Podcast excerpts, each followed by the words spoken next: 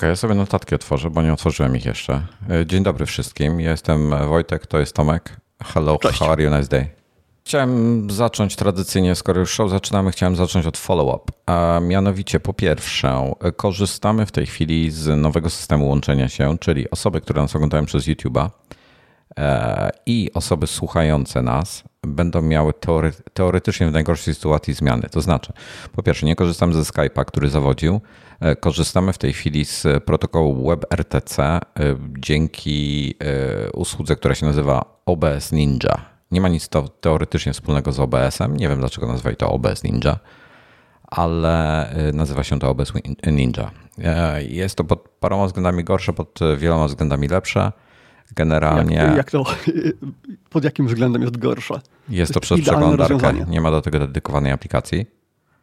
E, Przez to jest dużo trudniej rutować audio mi, E, ale, e, ale generalnie łączymy się. mm, W ogóle dzisiaj chyba w lepszej jakości jesteś wideo, nie wiem dlaczego. No co za Niż, niespodzianka. nie, niż podczas Jestem- testów. Niż podczas testów. Ym, I ten, i OBS Ninja polega na WebRTC, my się łączymy.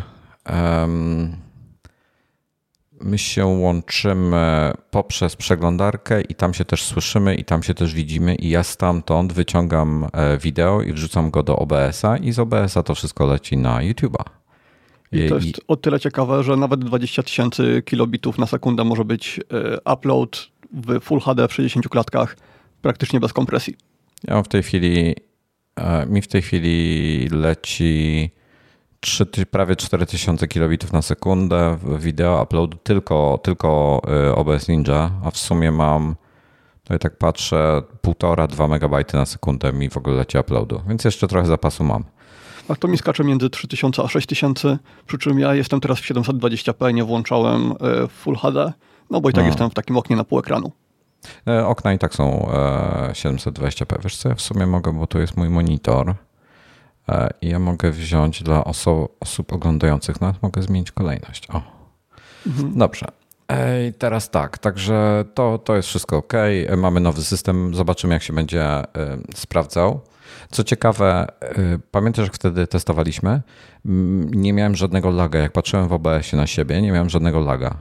W tej chwili mam 500 milisekund, może 400, gdzieś tak, ten rejon, tak na oko. Więc jest trochę inaczej. Ale dźwięk się nie rozjeżdża z obrazem, więc pod tym względem ekstra. Przynajmniej nie rozjeżdża się w moim podglądzie, ale na YouTubie chyba też nie. Możliwe. No i trochę walki było z tym, żeby to wszystko uruchomić. Naprawdę walczyliśmy e, sporo. Y, Trzeba zastosować tajemne kody, i, bo to nie jest takie narzędzie wygodne, tylko takie bardziej dla hakerów. Trzeba mnóstwo kodów i innych haseł poprowadzać i e, zatańczyć trzy razy wokół siebie, obrócić i tak dalej, i tak dalej, sól przez lewerami i wtedy zaczyna działać. E, Ale, No, ale e, to Jest to darmowe narzędzie. Z Wojtkiem Wimanem wczoraj rozmawiałem właśnie na temat OBS Ninja, tam mu sprzedałem parę sekretów, będzie do mnie dzwonił, żeby te wszystkie kody ode mnie wyciągnąć i pewnie swoje następne nagranie będzie w tym robił. Moje kody już mu wysłałem, te, którymi się ja podpinam. W sensie te, no, te rozszerzenia takie do adresu. Tak, to będzie za mało dla niego.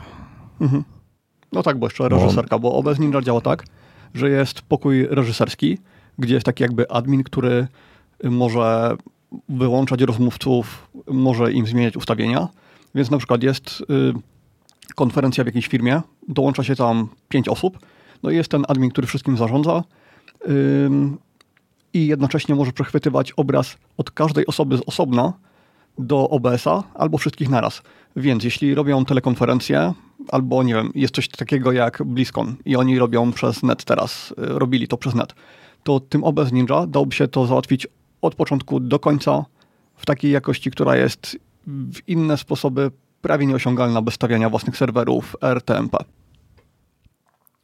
Jest. Dobrze, e, next temat, e, który w zasadzie spisałem go, ale nie pamiętam o czym chciałem z tobą porozmawiać. O, sp- o spisie powszechnym, bo A to mój temat jest, to ja go dodałem. Ty go dodałeś, y, bo tak, y, tak. to ja tylko podpowiem a propos, od, odkąd ostatnio o tym rozmawialiśmy, to tam była, miałem straszne wątpliwości, bo nie było to nigdzie zapisane. Przejrzałem tam wszystkie zapiski i chyba dwie czy trzy osoby na Twitterze znalazły w końcu, w ogóle na różnych stronach internetowych, e, i w końcu też na tym spisie, nie wiem czy to dodali później, czy, czy skąd to się wzięło, ale znaleźli zapis, że E, chodzi o mieszkanie konkretnie. Czyli jeżeli ja mieszkam z żoną i z dzieciakami, kurde, Bóg wie z kim jeszcze, to jeżeli ja wypełnię e, dane dla wszystkich osób, to one już nie muszą. Jeżeli ja ich nie wypełnię, to one muszą. E, więc można to na dwa sposoby robić, więc moja żona, jak skoro ja wypełniłem za nią, to ona nie musi. No i jak mhm. to wygląda w Twojej sprawie? Ja trafiłem też właśnie u Wojtka Wimana na jego y, forum Jasłosa. Y, był rachmistrz i Później poszukałem jeszcze w innych miejscach informacji, ale on to bardzo fajnie wytłumaczył. W skrócie jest tak, że jeśli ktoś mieszka za granicą i dopełni wszystkich formalności, jest wymeldowany i jest za granicą ponad rok, to wtedy mm, nic w ogóle go to nie obchodzi. Może to wypełnić, ale nie musi. Jeśli ktoś mieszka krócej niż rok, co do tego nie jestem pewny. Wydaje mi się, że też nie musi, ale może. Natomiast jeśli ktoś mieszka nawet 10 lat za granicą, a nie dopełnił formalności, no to raczej musi to zrobić. Ktoś mm, tam, gdzie jest zameldowany, no to trzeba tą osobę uwzględnić w spisie. Y, ja sprawdzałem też w różnych artykułach i te artykuły, które były publikowane 1 kwietnia, tam prawie wszędzie są błędne informacje, bo wtedy jeszcze mm, no, nie było wiadomo, jak, jak to jest. Na stronie rządowej nie było tych informacji albo były błędne, a później te wpisy w necie, które się pojawiły w ostatnich dniach, no to tam już jest więcej informacji, jest to doprecyzowane. Y, to są strony dla Polaków mieszkających we Francji, w Kanadzie i tak dalej. No i tam zazwyczaj już jest poprawione info, że jeśli ktoś jest wymeldowany, to wtedy nie musi tego robić. Ale y, żeby ktoś później na mnie nie zwalił, jak y, rząd zmieni zdanie, weryfikujcie to u rachmistrzów. Zresztą jeśli ktoś tego nie wypełni, to któregoś tam maja, po którymś tam maja rachmistrz będzie się kontaktował chyba telefonicznie. E, dobrze, ja mam teraz temat, który mnie, który mnie zdenerwował. Autentycznie rzadko kiedy się jakby przejmuję, bo inaczej w internecie nie da się żyć. Rzadko e, kiedy przejmuję się tym, co jak ktoś coś niemiłego pisze w internecie, ale e, w komentarzach, w podcastach Apple'a, w komentarzach pod, czy też ocenach pod nadgryzionymi, Bazi22 zostawił komentarz. Wygodny, czekajcie, wygodnie się rozsiądę i go przeczytam. Zaczynam. Kiedyś prowadzący byli bardziej przygotowani merytorycznie. Obecnie jest gorzej. Czarę goryczy przelały wywody na temat przejściówek i uproszczenia odnośnie złączy. USB-C dotyczy fizycznej strony złącza, tak jak USB-A czy USB-B, a na złączu mogą być wyprowadzone różne interfejsy. Thunderbolt, USB 3, 3.1, 3.2, 4, DisplayPort i tak dalej. Mówienie, że są doki Thunderbolt i USB-C jest niedomówieniem. Każdy dok Thunderbolt jest dokiem USB-C. To. to taki komentarz prostu... mnie... Aha, i do tego da, dał nam jeszcze trzy gwiazdki to mm. jest, sorry, ale to jest głupota, to jest yy, nadgorliwość, to jest bez sensu. Nie będę mówił za każdym razem, że to jest dock Thunderbolt 3, który ma cztery porty USB-C, z których każdy z portów USB-C wspiera DisplayPort, yy, wspiera również e, USB-C Alternative Mode, wspiera USB PD i tak dalej, bo bym cały odcinek siedział i mówił, co ten robi upraszczam to, bo nie będę za każdym razem, bo mamy już te standardy na tyle długo na rynku, że nie ma chyba potrzeby, żebym za każdym razem tłumaczył, czym jest port Thunderbolt i czym się różni od USB-C. E, natomiast e, jeżeli mówię, że dock jest Thunderbolt 3, to znaczy, że on ma porty Thunderbolt 3 i oczywiste jest to, że te, te porty są też również USB-C i wszelkie inne standardy, które po tym porcie idą. E, a dock USB-C znaczy, że nie ma Thunderbolta, że jest to dock USB-C. Więc e, nie rozumiem kompletnie sensu tego komentarza, ani po co on w ogóle e, powstał i wkurzyłem się po prostu. No ja to I... tak, że właśnie y, słuchacz oczekiwał, że za każdym razem będziesz mówił po kolei, jakie tam są porty. Nie będę, nie Tym będę bardziej, mówił po kolei. Y, wydaje mi się, że nigdy nie pomyliliśmy USB-C z USB 3.2, w sensie nie mylimy wtyczek z, tak. z, ze standardem. Więc, bo to się często zdarzało w internecie, ale te różnice w pełni rozumiemy i wątpię, żeby ktoś z nas panął coś takiego. Mm, Także no, taka głupota, nie? No nie, mnie to wkurzyło. Ja, ja, oczekuję, y, ja oczekuję od Baziego korekty tego komentarza, bo to jest nadgorliwość i ja nie, nie, nie akceptuję tego. No. Dokładnie. No to Artur podpowiada w tej chwili w czasie, że musimy jakoś upraszczać, bo inaczej ten odcinek trwałby. No nie ma, już to mówiłem, nie ma żadnego sensu, żebym za każdym razem mówił, co wspiera port Thunderbolt 3, 4 czy USB-C i tak dalej, bo no mówię, tłumaczyłbym każdy port po 3 minuty i byście nas po jednej minucie wyłączyli. No bez sensu zupełnie. Dobra, koniec tematu. E, Bazi oczekuję, tak. oczekuję, że skorygujesz to i e, bo, bo ja tego nie rozumiem takiego czepialstwa. Za nie chcę, nie, nie jest moim celem ciebie obrazić, ale twój komentarz mnie zdenerwował. A rzadko się denerwuję takimi rzeczami. Czyli podsumowując, dawajcie nam komentarze w iTunes z wysokimi ocenami, żeby to się wyrównało. Tak, prosimy o wejście e, do podcastów i e, pięć gwiazdek, bo obecnie jesteśmy najlepszym czterogwiazdkowym polskim podcastem technologicznym. Jestem okay. w szoku, szczerze mówiąc, jestem w szoku, że mamy cztery gwiazdki średnia. Mhm. E, co jeszcze? Aha, no to, y, podczas tej średniej on liczy komentarze z 10 lat, czy wyciąga średnią Wszy, jakoś? Wszystkie chyba liczy, chyba mm. wszystkie, wszystkie e, oceny o, w całej historii. E, więc osoby, osoby, które nas oglądają na YouTubie prosimy o łapkę w górę i tym podobne. I suba, suba, prosimy o suba. Musimy mieć więcej subów. I bo jesteśmy na drodze do 2 milionów, już jesteśmy bardzo niedaleko. Ta, ten, ten dystans zmalał o kolejne 50, więc cegiełka po cegiełce i będzie, będziemy na miejscu. E, przygotowałem też nowe grafiki na dole e, streama.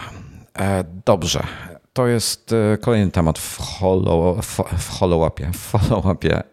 Ty miałeś problem z jakimiś czynnikami HomeKitowymi. Słucham ciebie, Tomku. Tak, to jest follow-up, w którym sam siebie będę krytykował, bo jak gadaliśmy o HomePodach, to powiedziałem, że te czujniki Akary, to one coś rzadko wysyłają informacje do do HomeKitu. I zweryfikowałem to. Pytałem HomePody o temperaturę, po czym sprawdzałem w aplikacji e, e, Xiaomi, jaka jest data odczytu, jaka godzina i co mi tam wyświetla. I wyświetlało za każdym razem to samo, czyli e, faktycznie odświeża te informacje często, odświeża wtedy, to znaczy, mm, jeśli temperatura spada albo rośnie, to wtedy czujnik temperatury się łączy z bazą i wysyła informacje. Jeśli się temperatura nie zmienia, to on wtedy potrafi przez bardzo długo nic nie wysyłać. Czyli gdybym miał HomePody z tymi czujnikami temperatury, to właściwie nic by mi to nie zmieniło, bo jednak ta kara łączy się często, tak często jak ma się łączyć. Po prostu yy, temperatura tutaj spada bardzo, bardzo powoli, a mnie się wydawało, że to następuje dużo, dużo szybciej. No i stąd to nieporozumienie. I miałem wspomnieć jeszcze o automatyzacjach, bo nie, nie wspominaj, Mówiłem, że... nie wspominaj. Chcę zrobić cały odcinek o tym. Nie jest, nie o automatyzacjach. O tym, że Siri mi głupiała. Na przykład mówiłem jej włącz światło to i to i przez lata mi to działało perfekcyjnie, po czym nagle kilka tygodni temu wszystko przestało działać. To bo znaczy się, wszystko, ale bo się, bo się zmieniło w Siri trochę. Y, tak, musiałem zmienić nazwy moich y, żarówek niektórych. Na przykład miałem y, First Lamp i Second Lamp, czyli jeden ST lamp, i musiałem to zmienić na jakąś inną nazwę. I wtedy zaczęło działać. Tak samo jeszcze kilka innych tam komend pozmieniałem nazwy scen, bo Siri już ich nie łapała i no nie wiem, co, coś tam się pozmieniało ewidentnie. Ale teraz działa. Siri mnie czasami załamuje, po prostu mnie tak czasami załamuje, że coś w głowie nie mieści. Ale dobra, to mamy temat na, na HomeKitowy odcinek, zrobimy. E, to będzie, będzie ciekawe. E, wczoraj się pojawił, znaczy nie wczoraj się pojawił, przepraszam. E, na Instagramie e, nie wiem kiedy to było, bo to prawdopodobnie już dosyć dawno. Ktoś mi wysłał wiadomość, ale jako, że to nie była osoba znajoma, to gdzieś tam wylądowało to w spamie i dopiero, dopiero dzisiaj, czy też wczoraj, przepraszam, znalazłem e, tą wiadomość od kogoś i E, osoba ta pisała o tym, że jej tata ma problem z obsługą dwunastki, e, ponieważ 12 Pro, konkretnie iPhone'a, ponieważ nie blokuje się automatycznie ekran, że jakiegoś hal sensora nie ma w tej chwili nowej, co było w poprzednich modelach. I jak się na przykład ma klapkę albo coś na ekranie, jakieś takie etui z klapką, to on się nie wygasza i nie blokuje. E, ja nigdy nie korzystałem z tego typu rozwiązań, więc zupełnie. Zupełnie nie mam nic do powiedzenia w tym temacie, bo, bo po prostu nawet nie wiedziałem, jak to działa i tak dalej. No mówię, nie, nie korzystałem z tego nigdy. Ty rozumiem też nie. Też nie, ale ja miałem wrażenie, że od kiedy jest ten sensor, mm, to co analizuje całą twarz, jak to się nazywało, ten lidar z przodu, czy co to jest? Eee, to dzięki czemu Touch ID działa. Face ID. E, nie Touch ID, e, Face ID. To ja myślałem, że od tej pory, w momencie, kiedy on nie wykrywa twarzy, to wygasza ekran wcześniej. To znaczy, jeśli go odłożysz gdzieś tam na biurko, ale nie wygasisz go, to on się wygasi wcześniej, niż gdyby wykrywał twoją twarz. I myślałem, że to jest jedyna taka funkcja. Mm, z tego, co, co tutaj. E, okej, okay. z tego, co piszą w, arty, w artykule, będzie link oczywiście w, e, w opisie. Mówię, ja nigdy z tego nie korzystałem w żadnym iPhone'ie. E, że Apple po raz pierwszy wprowadziło Auto Lock i Unlock iPada, a potem w iPhone 10, znanym również jako iPhone X. Ale, ale będziemy mówili na niego 10, bo tak jest prawidłowo. E, I dziesiątka była pierwszym e, smartfonem, który miał Auto Wake Sleep, e, który był, triggerował się takimi etui folio tak zwane, czyli takie z klapką, które się zamykają jakby i takie portfelowe, o, tego typu etui. I następnie iPhone 10s i 10s Max, 11 Pro i 11 Pro Max miały tą funkcję, 11 nie miała. E, i nie ma 12 ani 12 Pro. I tutaj są jeszcze specyfikacje techniczne e, w tym artykule, e, pokazujące o co chodzi, jeśli chodzi, znaczy takie, mm, o Jezu, szkice techniczne, nie wiem jak to się... Zobaczycie nie sobie, wiem. jak wejdziecie w linka. O co chodzi z, tym, z tymi obrazkami, o których teraz mówię. I to, co ta osoba do mnie napisała, y, to jest to, że, że tej osoby tata jest niepełnosprawny w jakiejś tam formie, nie wiem w jakiej, nie, nie, nie, nie było to jakoś tam określone i to brak tego czujnika bardzo utrudnia tej osobie korzystanie, wręcz uniemożliwia korzystanie z e, telefonu. I to jest takie trochę, bo trzeba, trzeba otworzyć teraz, bo tak to e, e, ta osoba otwierała e, te, te etui, telefon się zapalał i automatycznie rozpoznawał Face ID i się odblokowywał. A w tej chwili trzeba dotknąć ekranu i tam go obudzić albo przycisk nacisnąć i to jest dla tej osoby problematyczne i, i strasznie to utrudnia korzystanie z niego. No i ja to całkowicie rozumiem, że, że to może być dla niektórych osób i nie wiem czemu, czemu czemu Apple nie, nie, znaczy pewnie ze względu na cenę, ale być może, być może nie było miejsca, albo jakieś inne, inne powody, albo mm, nie, nie mieli wystarczająco dużo tych czujników. Przymierza, przymierzanie się do zmniejszenia nocza i może. Próba nie, zlikwidowania no, tej powierzchni. Nie wiem, może, może, nie było tych czujników. No mówię, to jest jedyna inna myśl, mi przychodzi że tych czujników nie było wystarczająco dużo e, na rynku, więc po prostu zrezygnowali Mówię, ja z tego nigdy nie korzystałem. Aha, i ta osoba się pyta, dlaczego nikt w ogóle nie robi z tego tytułu zadymy. No i chyba wiesz, wszystko, co, co Apple, co jest źle, to od razu jest zadyma w internecie, tak? Kolejne gatey się pojawiają szybciej niż, kurczę, nowe modele samochodów na, na rynku. I yy, moim zdaniem po prostu mało osób z tego korzysta i dlatego nie ma afery z tego tytułu. Ja osobiście znam chyba tylko jedną osobę, e, która korzystała z takiego etui typu folio. E, I to w, ta osoba to wykorzystywała w celach ochrony telefonu, a nie, nie żadnych innych, więc no nie wiem, no tak szkoda trochę, że, że, że tak jest, ale widocznie mało osób z tego korzysta. To jest jedyne, co mi przychodzi do głowy. Okej. Okay. O, to jeszcze real-time follow-up tak zwany. Artur Cios w czacie e, zaprasza tą osobę, e, albo jeśli ona słucha, to Artura, e, Artur Cios zaprasza do kontaktu. Być może znajdzie dla tej osoby jakieś obejście. Super. Zobaczymy, Czy tak się stanie, czy nie? Dobra, next. Krzysiek na, bo ostatnio o A7C rozmawialiśmy. Krzysiek, to już jakiś czas temu było. Krzysiek pyta się, dlaczego A7C, a nie A7 III? A7C to jest, no, mu napisałem design, że jest mniejszy i tak dalej, ale tak chciałem rozwinąć to trochę.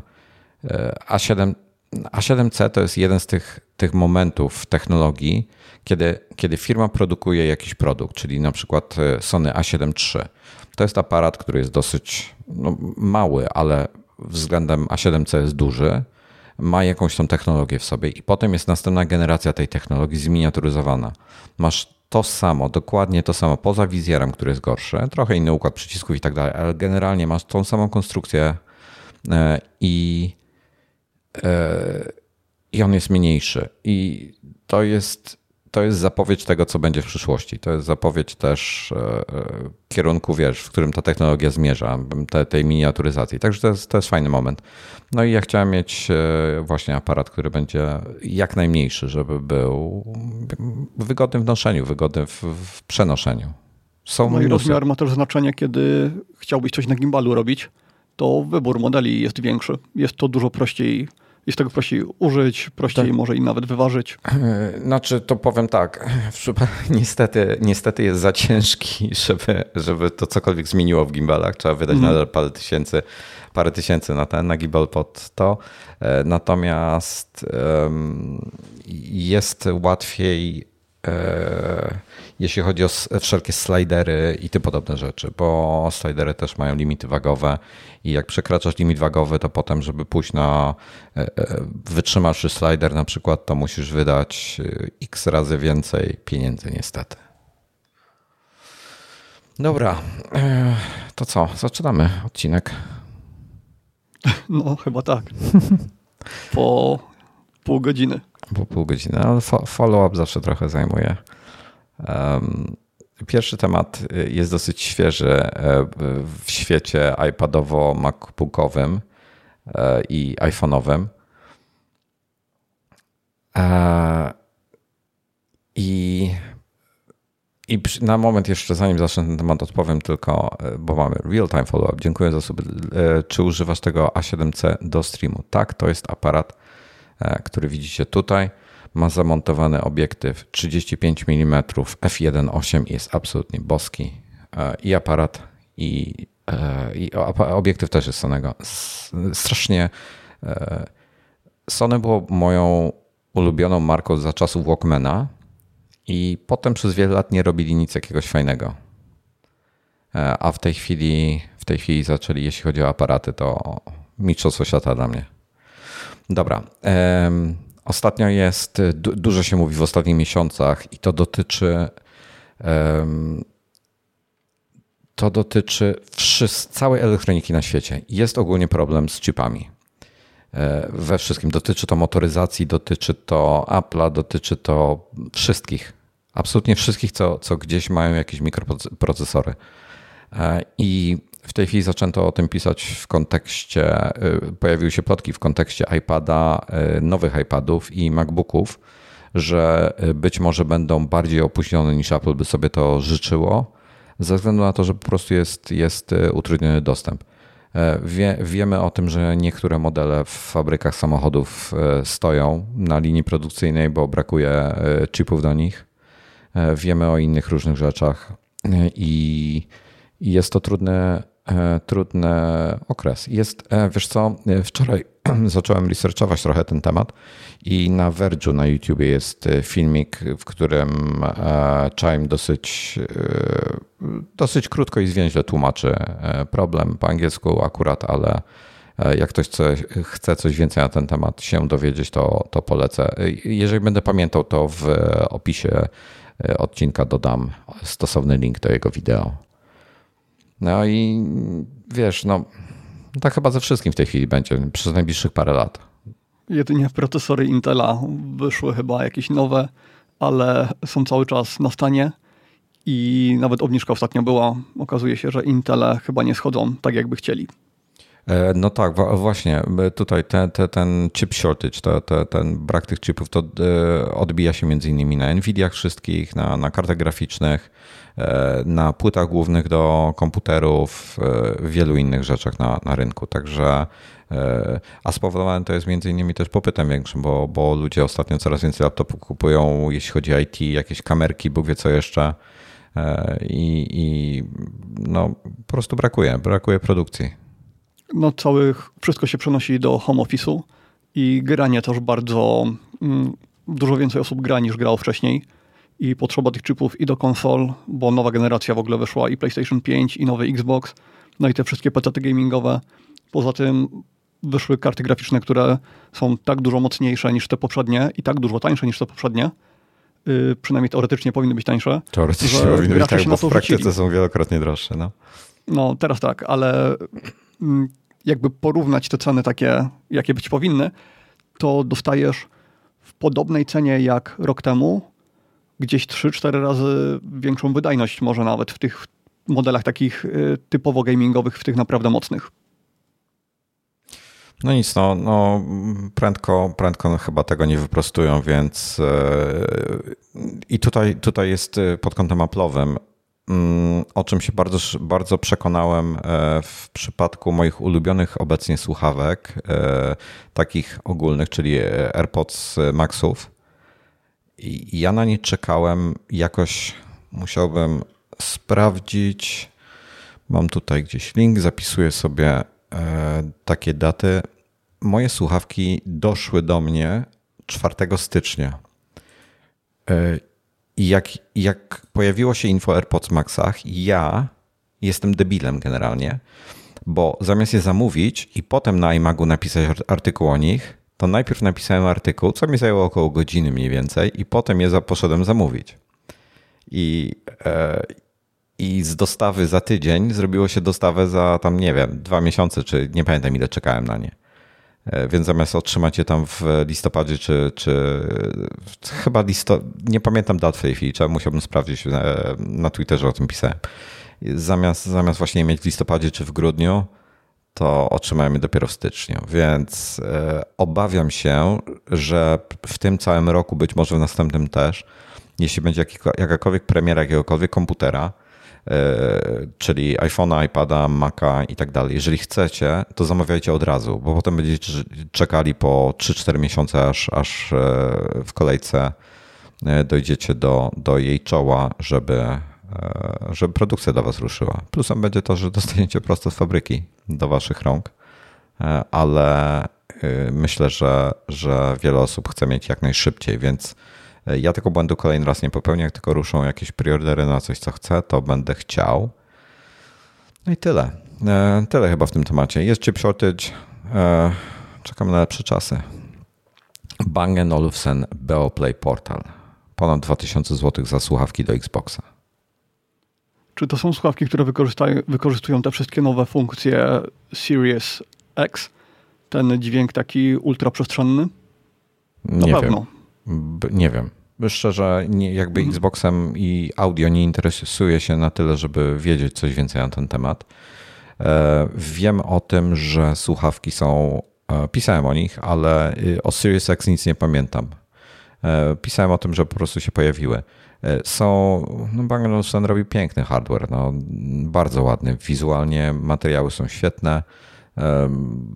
Te są przez, te wspierają trzy standardy. Można się łączyć przewodowo, jeśli możemy to nazwać standardem, ale chyba tak, e, poprzez Bluetooth, czyli możemy je wykorzystywać do e, słuchania muzyki i tak dalej przy komputerze i poprzez Xbox Wireless to się chyba nazywa, czy, czy jakoś tak ten standard. To jest jakiś Xboxowy standard. Mówię, ja Xboxa nigdy nie miałem, więc ciężko mi się wypowiedzieć. Mm, I, i na tym standardzie Xboxa Wireless działają najkrócej na baterii, ale no mają tam parę funkcji. Jest, jest E, aha, mają, mają oczywiście mikrofon, więc jak ktoś sobie czatuje na, e, w grze multiplayerowej, to, to może to daje robić i ponoć mają coś, co się nazywa wirtualny boom. E, boom to jest takie ramię, to jest boom. I jak, jak macie mikrofon, nie mam pod ręką teraz, jak macie te gamingowe headsety, to tutaj z, z puszki zazwyczaj wystaje mikrofon, który zawija się wokół twarzy i przed ustami go macie, żeby mikrofon wyraźnie słyszał was głos, wasz głos. I oni mają coś, co się nazywa wirtualny boom, czyli ten mikrofon jest w puszce, ale jest tak świetny, jakby był przed. W to nie wierzę, w to nie wierzę, bo fizyki nie da się zmienić. E, więc e, to moim zdaniem jest ściema, ale poza tym mm, zapowiadają się świetnie. Tylko niestety kosztują tyle co Xbox. Xbox ostatnio wypuścił swoje własne słuchawki, mm, takie nie za drogie, tam chyba 400.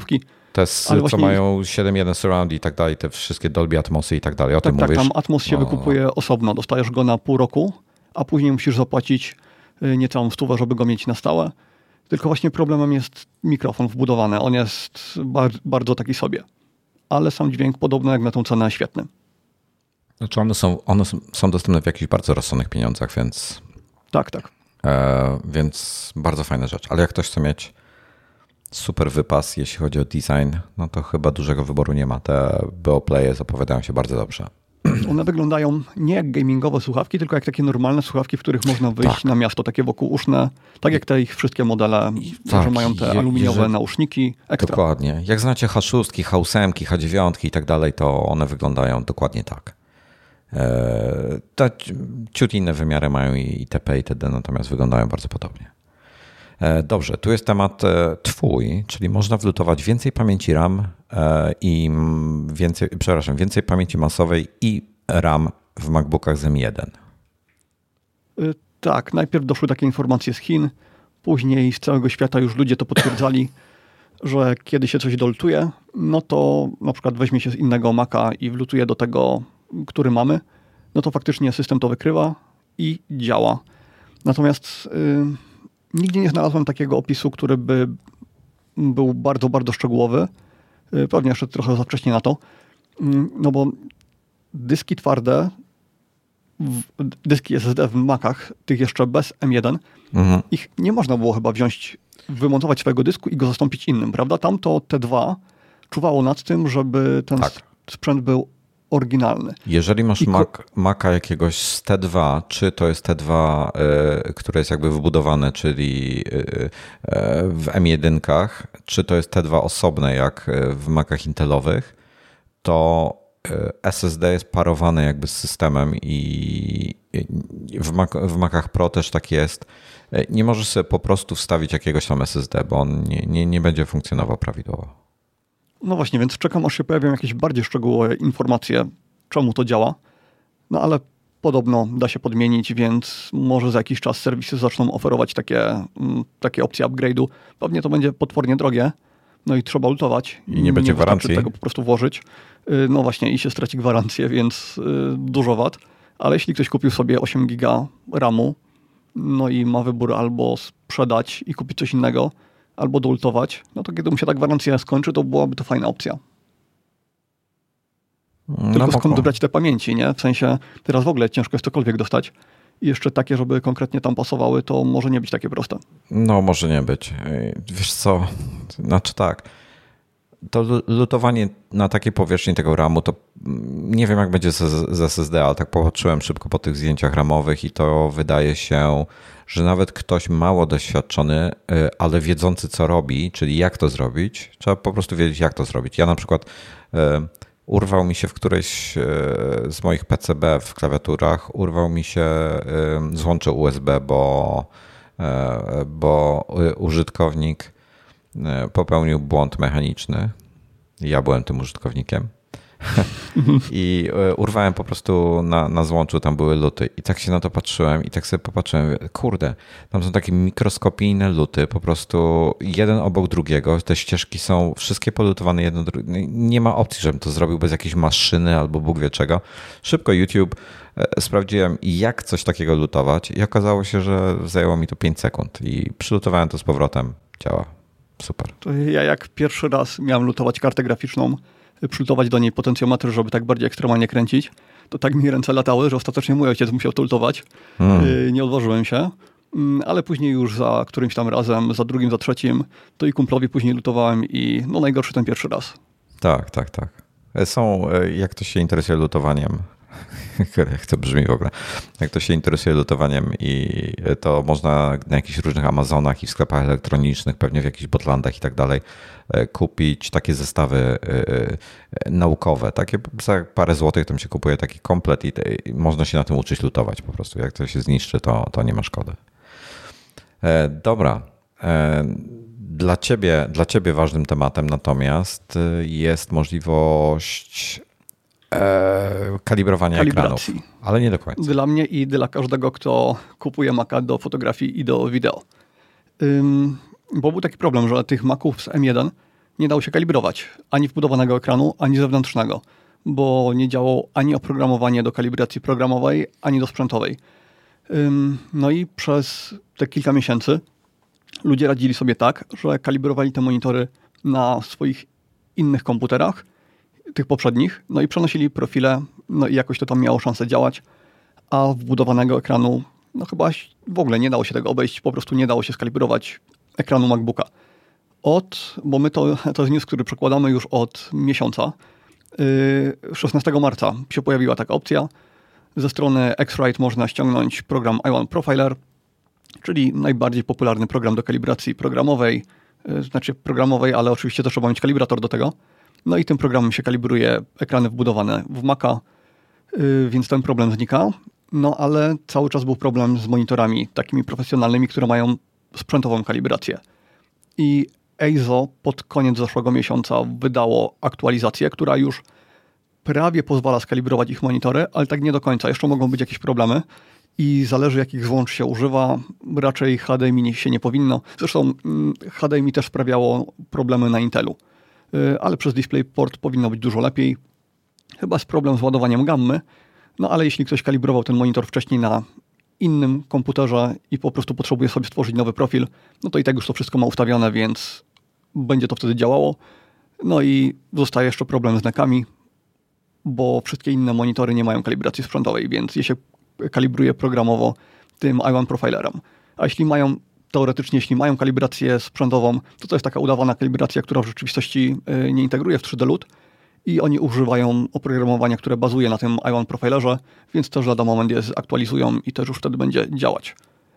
Y, no, więc to jest wielkie wydarzenie dla tego świata fotograficznego i wideo, bo w końcu faktycznie można mówić, tak, kupujcie te Maki M1, a nie, że ok, kup, ale będziesz widział zwalone kolory. Ja nie, ja nie pamiętam, czy, czy o tym mówiłem w kwestii osób, bo fotografia jedno, drugie to jest wideo. E, Makizem jeden paru e, youtuberów czy też montażystów kupiło sobie M1. Rzeczywiście super świetne są, jeśli chodzi o prędkość i tak dalej. E, natomiast bardzo szybko okazało się, że nie działają im żadne pluginy do, do Final Cut'a, do innych NLE. I dalej jest z tym problem. Nie wszystko jest jeszcze przeportowane, natomiast e, ja korzystam e, bardzo, że to jest w ogóle polska firma Motion VFX. E, chciałbym tutaj im plaga sprzedać. Polecam ich produkty. Jeśli chcecie, to wejdźcie sobie na motionvfx.com. Polska firma, bardzo miła ekipa. Od czasu do czasu mi dadzą coś fajnego do potestowania. Wszelkie jakieś to chociażby animacje, które na naszym YouTube widzicie, wszystko w zasadzie jest robione albo przez standardowe e, narzędzia w Final Cutie, albo przez Motion VFX. I wiele z nich, oni w tej chwili na stronie już oznaczają, które z nich pluginy, które e, pakiety i tak dalej, e, wtyczki te, itp. itd. są skompilowane pod M1, a które nie. Ale jest coraz lepiej, więc podejrzewam, że podobnie to wygląda dla Premiere na przykład, gdzie Premiere ma nie wiem, czy już wyszło z bety, czy nie, ale jest już, jest już e, premier e, natywny dla M1, dla e, Apple Silicon, także DaVinci Resolve też jest natywny, jak ktoś chce i korzysta. Także jest coraz nie lepiej. Wiem, jak to jest... Mhm. No, no, mów. Nie wiem, jak to jest z pluginami do Premiera, natomiast do Photoshopa trzeba je napisać od nowa, właściwie przeportować i nie da się ich przez rozetę przepuścić. Więc wszystko, co działało, między innymi mój ulubiony pakiet Nick Collection, no to teraz się już do niczego nie nadaje. Ale no, pewnie poczekamy kilka miesięcy i to wróci. A na czacie jeszcze o, nie, się Nick pojawiło... Collection to nie sądzę, to jest Google. To ja nie sądzę, nie, nie, już nie jest. Tknęli. Już od kilku lat nie jest. Google, tak, oni, to, Google... historia tak, to jest w ogóle telenowela, bo to były pluginy cholernie drogie. Cały pakiet kosztował tak. ponad 3000 zł. Tak. Po czym Google to przejęło i udostępniło za darmo. Także wow, nie? No i y, później po latach, znaczy oni to, oni to kupili, żeby wykorzystać tą technologię. Im nie zależało na tym oprogramowaniu. Oni chcieli to wykorzystać w swoich mobilnych aplikacjach między innymi. No i wykorzystali i sprzedali to dalej. I teraz to jest ciągle rozwijane, natomiast jest rozwijane, aha, i jest już płatne, z powrotem jest płatne, ale już nie kilka tysięcy złotych, tylko chyba 100 dolarów za cały pakiet, więc dobra cena. Tylko niestety jest to tak rozwijane, że te płatne update'y, które wychodzą, są, one prawie nic nie wprowadzają, prawie żadnych różnic. Jakieś presety dodali i właściwie na tym koniec. Y, ja, ja tam używałem Vivezy 2, Viveza 2 taki plugin do lokalnych korekt, czyli nakłada się takie inteligentne punkty na zdjęcie i można sobie dostosowywać kontrast i wszystko inne lokalnie. Bardzo wygodne. Ale to jest wtyczka nierozwijana już chyba od prawie 10 lat. No ale teraz mam nadzieję, że jej nie wyrzucą całkowicie z tego pakietu, tylko że też ją przeportują i że w końcu dzięki temu to nie będzie tylko port, ale i że dostanie nowe funkcje. No w, każ w każdym razie M1 w tej chwili już, e, bo M1 od początku były super dla kogoś, kto nie korzysta ze zbyt dużej ilości narzędzi e, trzecich, natomiast już praktycznie te najważniejsze rzeczy są. E, są już wszelkie Lightroomy, Photoshopy na, na M1 przeportowane. Mówię, do edycji wideo jest, są, są przynajmniej trzy programy do wyboru, czyli masz Final Cut'a, masz Premierkę i DaVinci. Ja używam I... teraz DaVinci na Intelu, bardzo fajny program. No, no, chwalony jest. No, mówię, kurde, źle nie można wybrać. No, co kto lubi po prostu. Należy dobierać program. Po, czy, jeżeli program pasuje komuś, to niech nie zastanawia się na tym, czy przesiadać się na coś innego, tylko po prostu niech, niech korzysta z niego na maksa. Także już są to komputery, które już myślę, że, że coraz więcej osób śmiało może z nich korzystać. E, jest coraz lepiej w tym względzie i myślę, że, że gorzej nie będzie. Mm. E, jeszcze Artur Cios wyraził swoje zdziwienie, że ekrany no. w MacBookach nie są kalibrowane w tej cenie. E, no nie są, bo tam po pierwsze to jest cienki ekran, więc tam nie ma jak wpakować czujników tej całej elektroniki, która by to kalibrowała na żywo, tak jak mają te profesjonalne neki. A on, on chyba ma na myśli, że w fabryce czy nie są kalibrowane.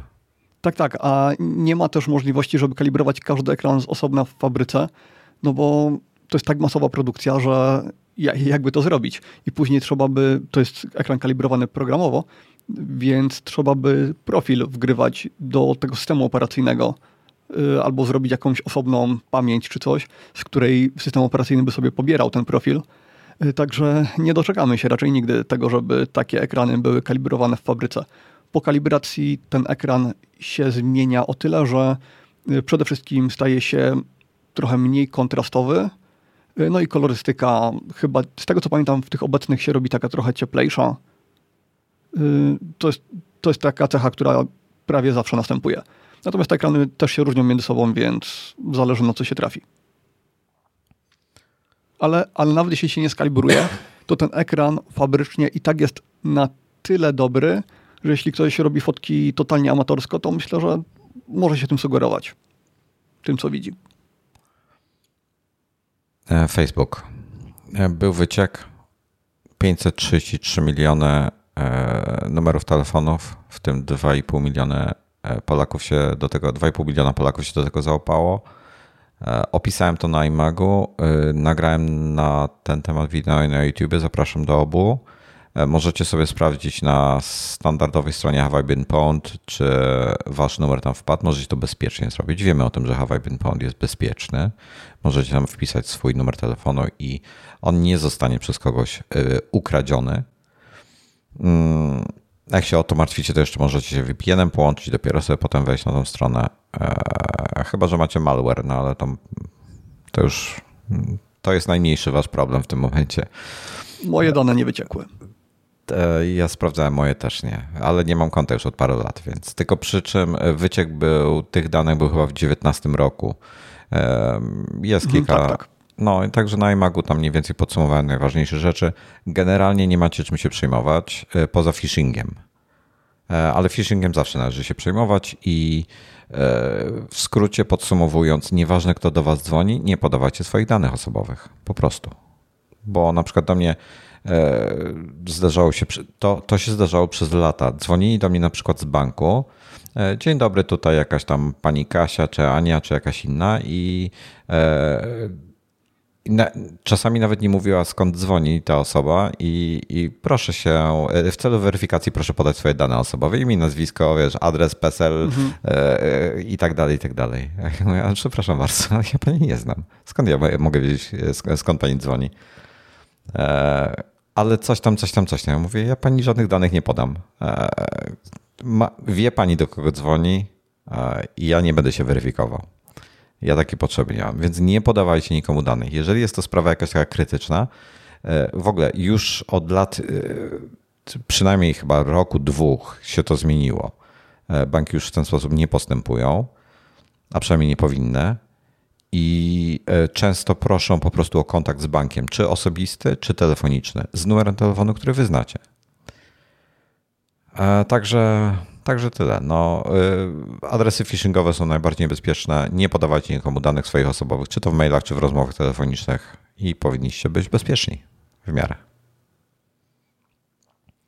E, aha, e, ostatnio, właśnie to jest, to jest wczoraj wrzuciłem, wrzuciłem na YouTube filmik, gdzie tłumaczę, czym się różni Apple TV od Apple TV i od Apple TV Plus. Widziałem.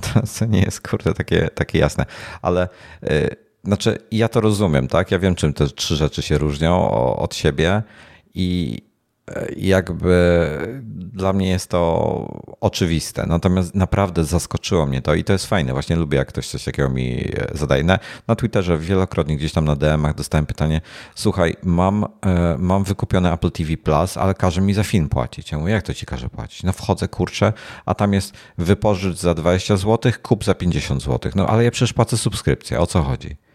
No i te, to się powtarzało oraz to, że część osób e, wchodziło i e, regularnie płaci za filmy, a tutaj nagle jakąś, e, wiesz, wypożycza filmy tam po 10 zł czy po 15 zł, a tu nagle chcą jakąś subskrypcję. On nie chce subskrypcji, on chce wypożyczyć ten serial, który jest w Apple TV+. Plus.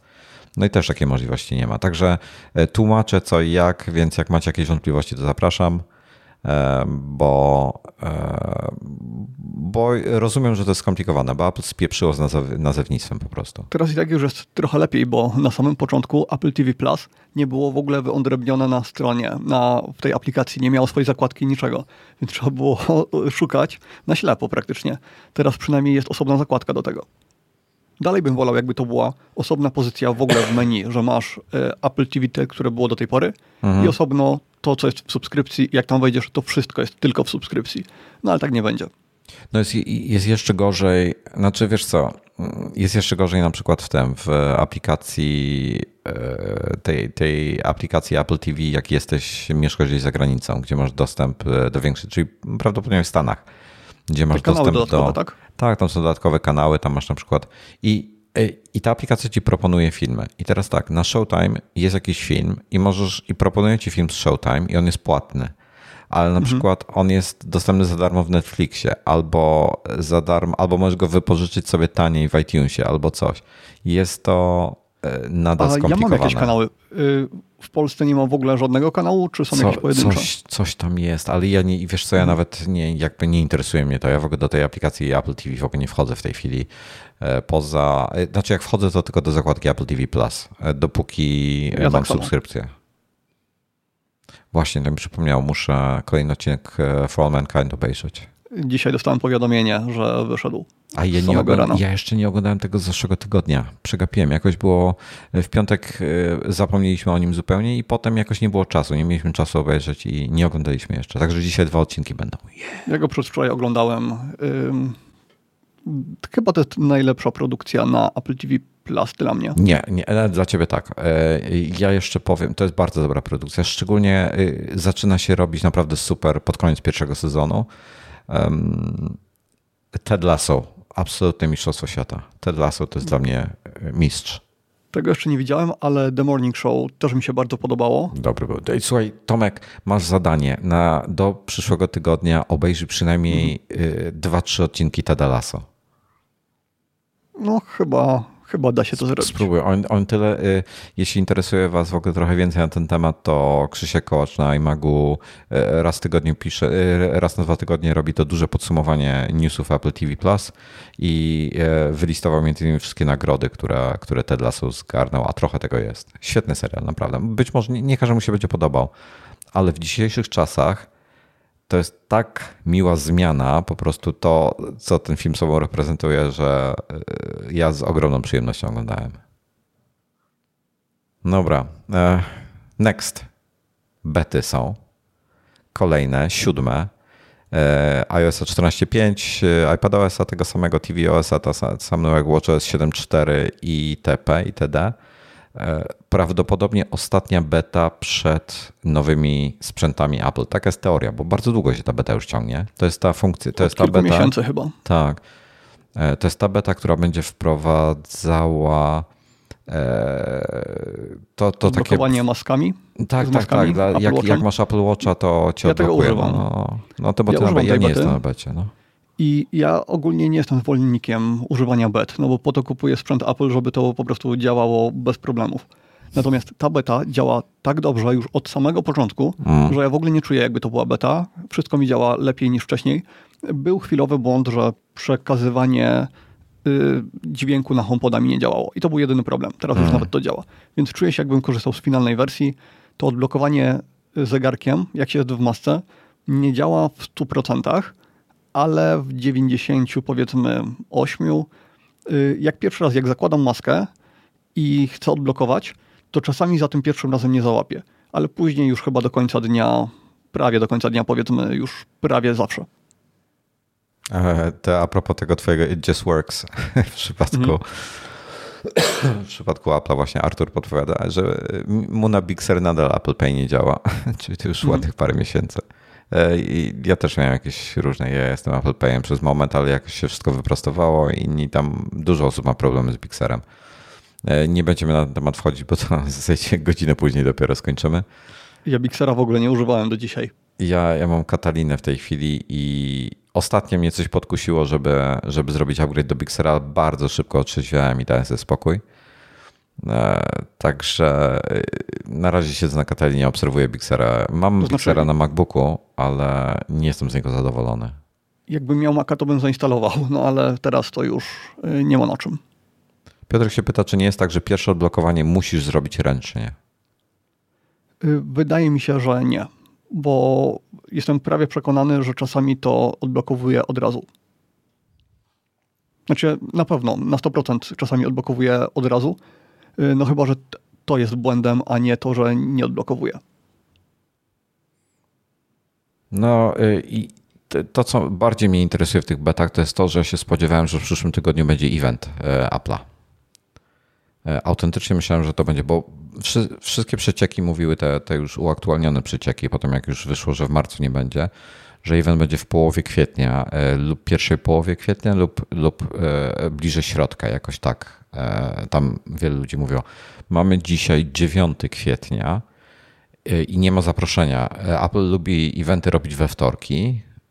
Dzisiaj jest 9, czyli do wtorku mamy 4 dni i nie było zaproszenia. Zaproszenia zazwyczaj są wysyłane 7-8 dni przed eventem, więc nie będzie eventu. I teraz tak, szkoda, chciałbym, żeby był jakiś event, taki nagrany wcześniej nawet. E, ale wygląda na to, że nie będzie, przynajmniej nie w przyszłym tygodniu, być może, może jeszcze kolejny tydzień. To jest pierwsza rzecz. Druga rzecz, wypchnęli w tym tygodniu te wszystkie e, informacje o e, Find My Certificate, ten program taki, że Find My Certification, czyli ten, ta, ta sieć Find My, która zostanie udostępniona dla aplikacji e, trzecich i produktów trzecich, czyli są jakieś e, inne trackery, mówię tutaj o AirTagsach akurat, jakieś trackery konkurencyjnych firm dla Apple'a, które, które swoje wypuszczają. VanMoof ci od rowerów wypuścili swoją integrację z Find My, że, że rowery ich się będą właśnie przez to, przez to komunikowały. I to się też spodziewałem, że jest kolejna zapowiedź tego, że Apple chce to, te, ten news już mieć z głowy, puścić go, niech on przeleci przez maszynkę i e, będą mogli AirTagsy wypuścić swoje w tym momencie i na tym się skupić. No, ale teraz tak, no, jeżeli w przyszłym tygodniu nie będzie eventu, no to tylko i wyłącznie press release, jakiś tam premiera przez press release. E, szkoda trochę, mam nadzieję, że tak nie będzie. No albo później, więc zobaczymy, czy, czy po prostu się pojawi w sklepie, czy nie. Ale kurde, dzwońcie do mnie od razu, żebym mógł zamówić, żebym nie czekał potem do maja albo kwietnia, tfu, e, czerwca, aż mi coś dojedzie, albo dłużej. No, także nie wiemy jeszcze, co, co z nowymi rzeczami, ale czekamy. Um, ostatnio głośno jest, y, w tym tygodniu głośno było o e, Sonosie Rome, ten nowy ich głośnik, który to jest niedawno taki miał całkowicie premierę. miniaturowy, prawda? On taki miniaturowy chyba nie jest aż całkowicie, w sensie jest dużo większy od HomePoda mini. O, okej, okay, to ja go muszę, ja sobie zobaczę jakieś wideo, bo ja go widziałem tylko na zdjęciach i odniosłem takie wrażenie, że, że to jest coś w rodzaju tych najmniejszych JBL-i nawet mniejsze. A ja nie wiem, jakie są najmniejsze JBL. -e. Nie, wiesz co, to jest taki, tak, on jest, mm, wiesz co, wejdź sobie na linka, który ci tam wrzuciłem tak, tak, w notatkach już, już i masz na dole obok kubka zdjęcie, więc widzisz mniej więcej. Jest tak, ja wiem, 30-40% wyższy od kubka, ma mniejszą średnicę. Jest dosyć mały. Taki idealny, żeby gdzieś go tam wpasować. Powiem szczerze, w pierwszym momencie w ogóle tak, słyszałem opinie osób, które cenią sobie y, audio, słyszałem negatywne opinie o, o tym głośniku. Paweł e, Okopień u nas e, pisał o nim, wypowiada się o nim dosyć pozytywnie. Kosztuje 800 zł. E, jako konkurencję tutaj wykazuje Ultimate Ears Boom 3, Sonego SRS XB43B. To jest, to jest bardzo znany model. Uwaga, sarkazm JBL Charge 4, Beoplay P2, A1 i tak dalej, czyli takie małe przenośne głośniki. E, cześć Bartku. E, I o tyle fajny jest Sonos w stosunku do CRS. Ja, ja mam, e, nie, nie mam go tutaj akurat, ale w łazience u mnie stoi, bo tak jak wspominałem w poprzednich mam dużo HomePodów i tym podobnych i, i AirPlayowych głośników w domu, w sumie jest ich sześć chyba. Natomiast w łazience nie mam takiego rozwiązania, nie mam nawet gdzie się podłączyć do gniazdka.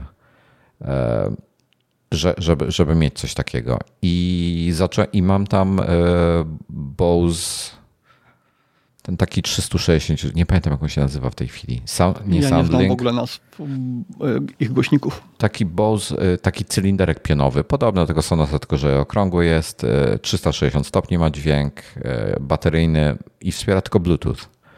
I wiesz co, gra świetnie, jestem z niego bardzo zadowolony. E, też na baterii trzyma tygodnie dosłownie. Rzadko go używamy, więc typu, nie wiem, idę pod prysznic i mi się nudzi, no to chcę sobie włączyć muzykę. On jest też e, e, chlapoodporny i tak dalej i odporny na, na dużą wilgotność i to podobne rzeczy, więc jakby w łazience może żyć. Natomiast rzadko z niego korzystamy, no bo trzeba Bluetooth włączyć i tak dalej, ale dzięki temu bateria trzyma parę tygodni. Ale ostatnio zastanawiałem się właśnie, czy nie kupić sobie Roma jednego, żeby wstawić do łazienki po to, żeby, żeby mieć AirPlaya i tą integrację. To jest fajne w Sonosach, to, że mają AirPlaya i te inne standardy przy okazji, ale mnie akurat AirPlay interesuje. Tylko 800 trochę dużo za taki głośnik, ale do, do przełknięcia. No, JBL bez tego te podobnej wielkości, na przykład flipy kosztują chyba 500, więc... Mm. Ale, ale, chyba nic z tej kategorii cenowej nie ma AirPlaya, prawda? No właśnie one są bez AirPlaya, tak, tak. No. Ale tak patrzę na te, na te zdjęcia i cały czas mam wrażenie, że on jest mały. To znaczy stoi tutaj przy jakimś y, telefonie, no i przy jakimś iPhone'ie i jest tylko minimalnie większy. To znaczy on jest gruby, w sensie jego średnica jest dużo, dużo większa. Mówisz o wysokości w tej chwili. takie podobne się wydaje, no. Mm, no może jest... to jest jakiś tam max, jakiś duży telefon. To może być duży telefon po pierwsze. E, po drugie, wiesz co, ja znalazłem zdjęcie, gdzie stoi przy takich 0,3 litra, albo to są chyba 0,3 litra takie szklane butelki z wodą mineralną. No to jest prawie wiesz tak wysokie jak ta butelka. Pewnie gdzie są wymiary po prostu podane. Na stronie no. producenta najpewniej. No, nie jest to duży głośnik. Jest na pewno e, gabarytowo mniejszy od mojego Bose. E, ale podejrzewam, że nie gra specjalnie gorzej. Bardzo fajny, mi się podoba. Rozważę go. Nie, nie dzisiaj ale, ale go rozważę.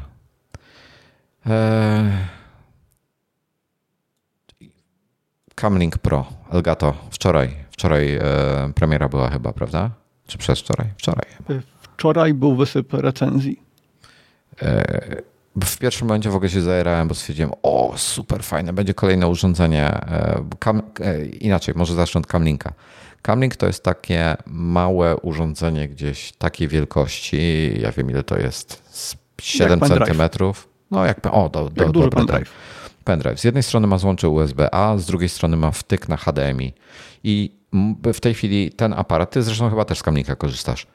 Tak. Ten aparat, do którego w tej chwili mówię, jest podłączony wyjściem HDMI, mini chyba, albo mikro, nie wiem jakie tam jest HDMI, jedno z tych małych, takich dziwnych, jest podłączony kablem e, do Camlinka i z Camlinka wchodzi mi do komputera. I to urządzenie działa e, z praktycznie każdym komputerem i systemem operacyjnym, z tego co wiem, chyba nawet z Linuxem. E, z Macami w każdym razie działa. I, i zobaczyłem Camlink Pro i stwierdziłem, aha, i wspiera 4K 30. I potem się dowiedziałem o Camlinku Pro i zobaczyłem, jeszcze nic o nim nie wiedziałem, tylko nazwę widziałem i się, o, ale to będzie zajebiste, coś fajnego zrobili. I wszedłem i zobaczyłem, że to jest karta do PC-ta. PCI i się, o zajebiście, to będzie super, mam wolne sloty PCI u siebie. Potem wszedłem w specyfikacje techniczne i że o nie, to działa tylko z Windowsem.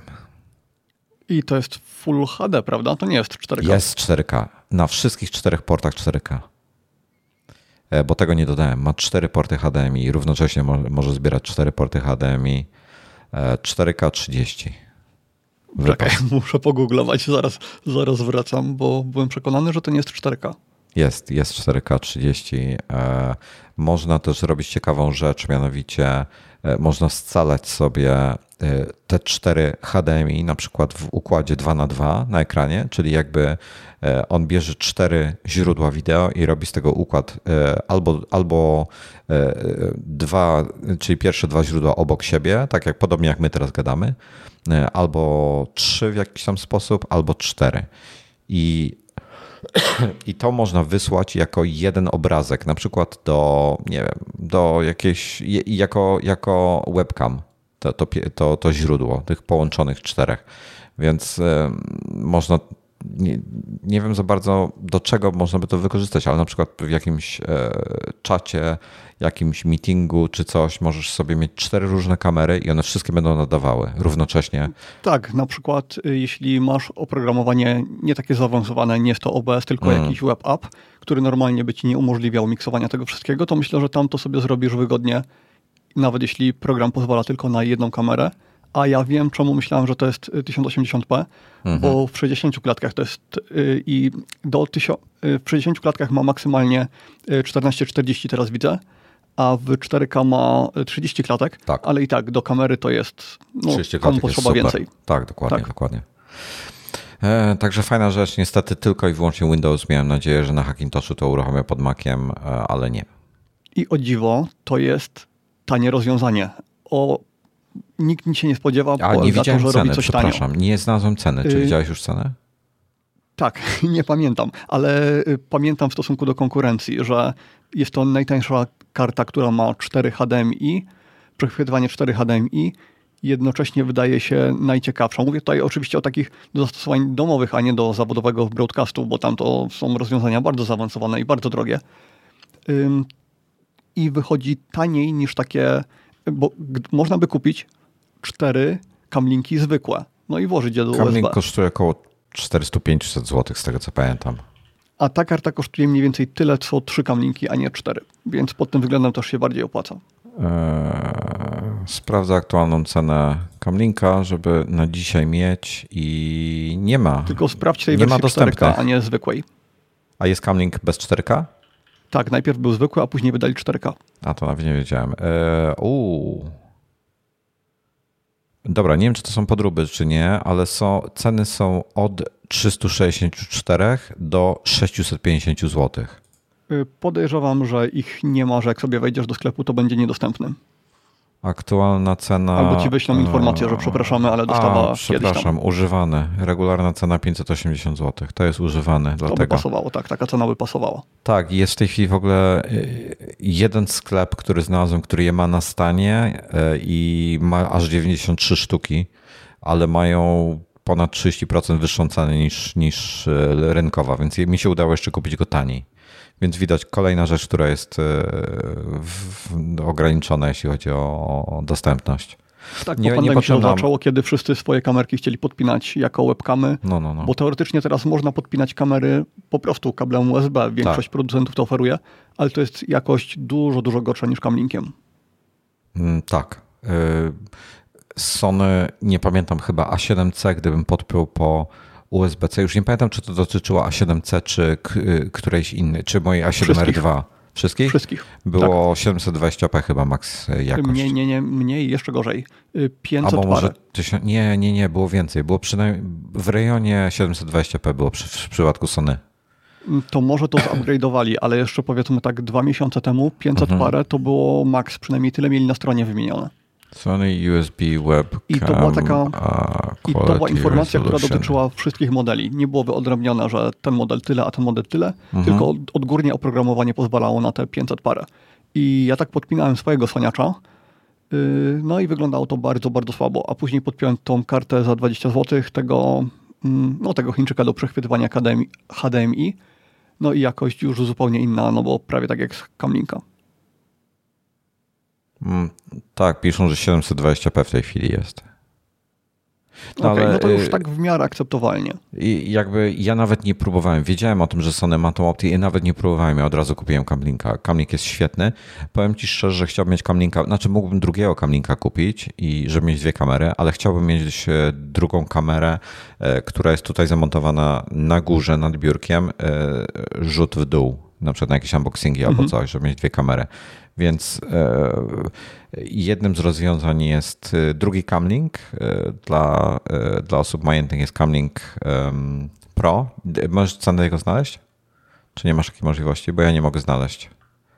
W tej chwili chyba nie bardzo, ale ja coś chciałem dodać, że ta kamera z góry to mhm. czy na pewno chcesz podpinać jakąś profesjonalną kamerę, czy nie lepiej podpiąć tam coś z małą matrycą, jakieś GoPro, coś lekkiego, A co łatwo ja, będzie zamontować ale ja to chciałem i będzie miał dużą głębię ostrości. Ale ja to chciałem po kamlinku podpiąć. Jakby nie, nie, nie ma znaczenia.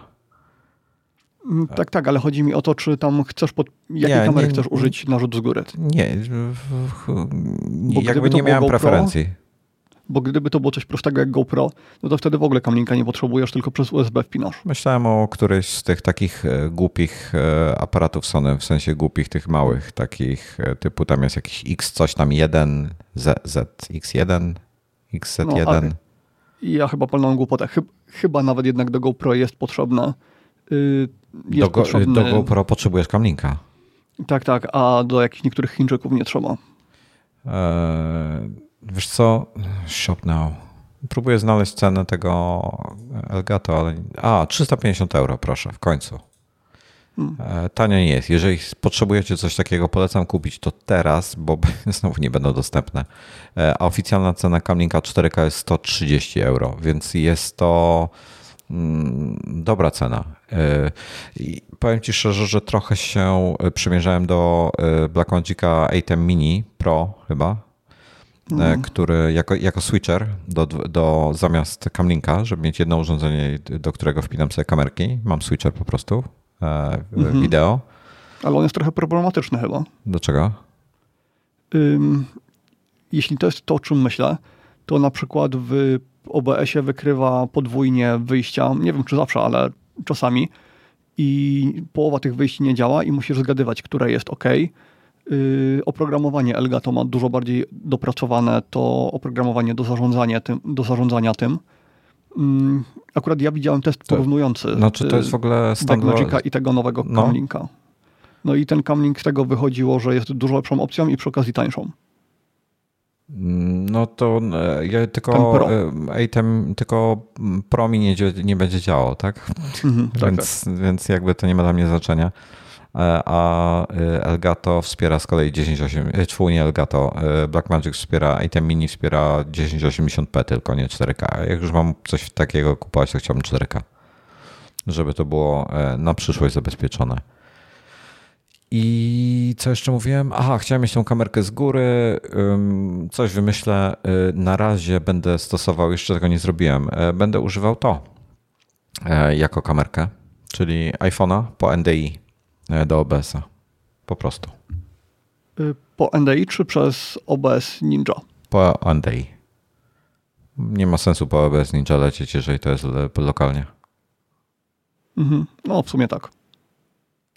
Plus lag jest e, żaden e, w PND, po NDI-u, także to jest plus. Ale będziesz używał tego iPhone'a, którego używasz na co dzień, czy masz tak, jakiś względny tak, tak. stary model, który Nie, będzie na stałe? na razie tego. Być może potem jakiegoś wymyślę sobie na stałe. Ale na razie będę tego używał. Zobaczę, jak to działa w ogóle. No, dobrze. no ja niestety muszę mieć coś na stałe. Ja jak muszę coś podpinać, wkładać, to, to działa tylko przez chwilę, a później mi się odechciewa. Nie, ja to, nie, nie, ja to tylko na live streamie będę używał, więc mam jakby stojak do tego, mam uchwyt do tego, to jest kwestia tylko włożenia telefonu w uchwyt i uruchomienia aplikacji, nic więcej. E, żaden problem dla mnie, chyba. E, Diablo, powiedz mi, co miałeś na myśli? Y, ty to wpisałeś. Ja to wpisałem. Ty nie pamiętasz, o czym gadaliśmy tydzień temu, co? Nie pamiętam, że Znowu rozmawialiśmy o, o Diablo. Nie, czy ja wymazuję to z pamięci, to od razu mówię. E, hmm. Rozmawialiśmy o remasterze, ale w sensie mam nadzieję, że ty mi coś więcej powiesz na ten temat w tej chwili. O co chodzi z tym remasterem? To teraz będę miał takie déjà vu, bo byłem w podcaście, gdzie gadałem głównie, głównie o tym. Y, to y, tak, Diablo 2 miał premierę ile? 20 lat temu. Niedawno była rocznica.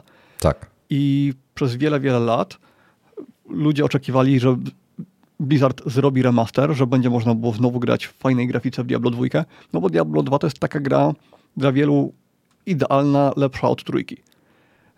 ale były problemy techniczne bardzo, bardzo duże, dlatego że nie było w ogóle wiadomo, czy ten remaster da się kiedykolwiek zrobić.